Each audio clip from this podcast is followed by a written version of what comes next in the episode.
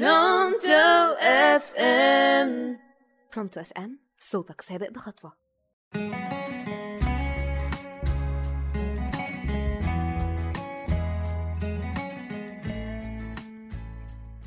أهلا بيكم في حلقة جديدة من برنامجكم Update أنا كرم ويليام وحلقة النهارده هتكون بعنوان الخوف والتغيير. زي ما اتكلمنا عن محفزات التغيير هنتكلم عن معوقات أو عقبات التغيير.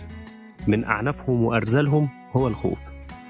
في البداية الخوف عند الإنسان كان دافع ومحفز لغريزة البقاء لكن مع التقدم وتطور العصور وسعي الإنسان إنه يستريح وينتخ لا مؤاخذه اتحول الخوف ده لمعطل عن الراحة والاسترخاء.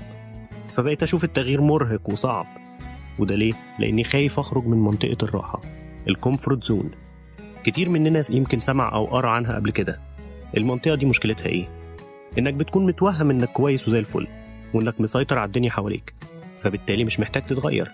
في الوقت اللي أنت أصلا محبوس فيها مش بتفكر في حياتك وحاطط مبررات لإخفاقاتك على شماعة غيرك وظروف.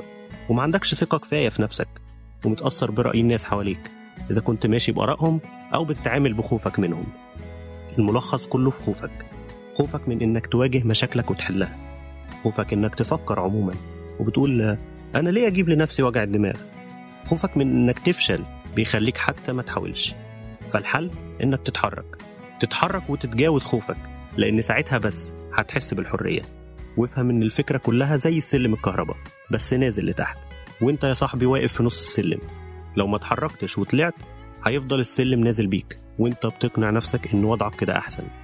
قبل ما أختم الحلقة حابب أرشح لكم كتاب صغير بقصة رمزية شيقة هتكون مفيدة معاكم في الرحلة. كتاب بعنوان من الذي حرك قطعة الجبن الخاصة بي؟ كتاب حلو جدا ومؤثر. أتمنى تقروه.